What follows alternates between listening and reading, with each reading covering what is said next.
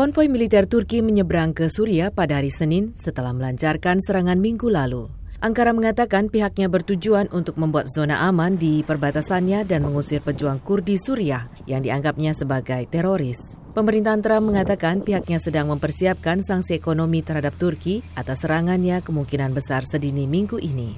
Mengenai potensi sanksi itu, Menteri Keuangan Stephen Mnuchin mengatakan, Turkey is a full member of NATO and, and an ally of ours who is now fighting over border issues with the Kurds who have helped us with ISIS. It's a complicated situation and we're monitoring it, uh, as I said, very carefully. Turki adalah anggota penuh NATO dan sekutu kita yang sekarang berperang karena isu-isu perbatasan dengan Kurdi yang telah membantu kita memerangi ISIS. Ini adalah situasi yang rumit dan kami memantau itu dengan sangat hati-hati. Pekan lalu, Presiden Trump tiba-tiba memerintahkan penarikan pasukan Amerika dari Suriah Utara, sebuah keputusan yang dianggap secara efektif memberi Ankara lampu hijau untuk melancarkan ofensifnya. In Syria, we were supposed to be there for 30 days, and we've been there for 10 years. And These wars, they never end. Di Suriah, kita seharusnya berada di sana selama 30 hari dan kita sudah berada di sana selama 10 tahun dan perang-perang ini tidak pernah berakhir.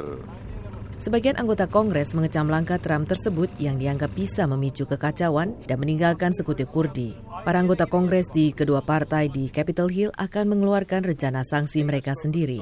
Dalam sebuah pernyataan, Menteri Pertahanan Mark Esper mengatakan bahwa serangan Turki ke Suriah dapat membuka pintu bagi kebangkitan ISIS. Ratusan pendukung ISIS dilaporkan telah melarikan diri, Trump menyalahkan Kurdi dengan kejadian itu. Pasukan Suriah kini telah bergerak menuju perbatasan utara setelah pasukan Kurdi Suriah yang sebelumnya merupakan sekutu Amerika mengatakan telah mencapai kesepakatan dengan pemerintah Suriah untuk membantu mereka menangkis invasi Turki. Michael Luders, analis Timur Tengah mengatakan Rusia memperhatikan dengan seksama potensi bentrokan antara Turki, Suriah dan Kurdi. Dia menjelaskan. aber dass äh, dieses Projekt, zwei Millionen Flüchtlinge dort anzusiedeln, dann doch äh, verschoben wird.